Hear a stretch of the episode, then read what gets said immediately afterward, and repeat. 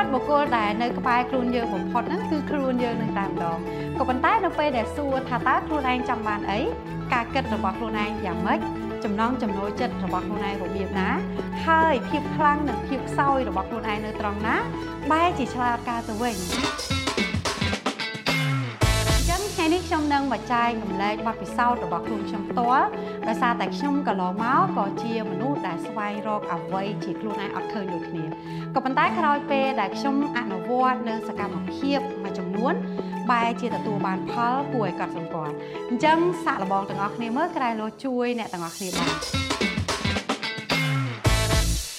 ចំណុចទី1នោះគឺអ្នកទាំងអស់គ្នាត្រូវទទួលស្គាល់ខ្លួនឯងសិនថាតើឥឡូវនេះខ្លួនឯងជាអ្នកណា នៅកន្លែងណា ដោយមិនគិតអំពីអតីតកាលដែលធ្លាប់ជាអ្នកណាធ្លាប់ខ្លាំងអីពូកែអីមានប៉ុណ្ណាឬក៏មិនគិតពីអនាគតថាតើខ្លួនឯងនឹងចង់ខ្លាយទៅជាអីចឹងគិតតែពីបច្ចុប្បន្នថាតើខ្លួនឯងនៅត្រង់ណា ពេលដែលខ្លួនឯងទទួលស្គាល់ថាខ្លួនឯងនៅចំណុចណាបាន ពេលនោះយើងចាប់ផ្ដើមរខ្លួនឯងឃើញហើយ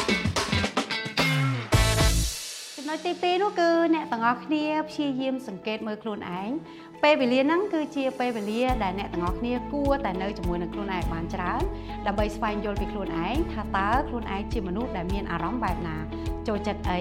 មានអេរិយាបថបែបណាខ្លះចូលចិត្តធ្វើអ្វីខ្លះអញ្ចឹងអ្នកទាំងអស់គ្នាសាកនៅជាមួយខ្លួនឯងឲ្យបានច្រើនតាមដែលអាចពេលនោះអ្នកទាំងអស់គ្នានឹងឃើញចម្លើយ 3អ្នកទាំងអស់គ្នាអាចសាកសួរបុគ្គលដែលនៅក្បែរខ្លួនអ្នកទាំងអស់គ្នាជាងគេបំផុត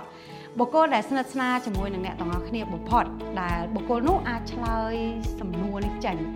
ចូលជ្រើសរើសអ្នកដែលអ្នកទាំងអស់គ្នាសួរឲ្យបានត្រឹមត្រូវពីព្រោះបើសិនជាអត់ស្និទ្ធស្នាលមួយអ្នកទាំងអស់គ្នាទេ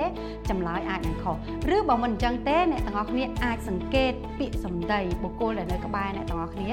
ថាតើពួកគេឧស្សាហ៍និយាយអ្វីពីយើង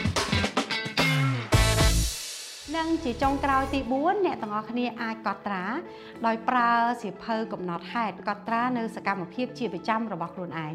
ពេលខ្លះយើងនឹងដឹងថាតើក្នុងមួយថ្ងៃមួយថ្ងៃរបស់យើងយើងធ្វើអីខ្លះចឹងភាពញឹកញាប់ដែលយើងធ្វើភាពញឹកញាប់ដែលកើតមានចំពោះអារម្មណ៍និងការគិតរបស់យើង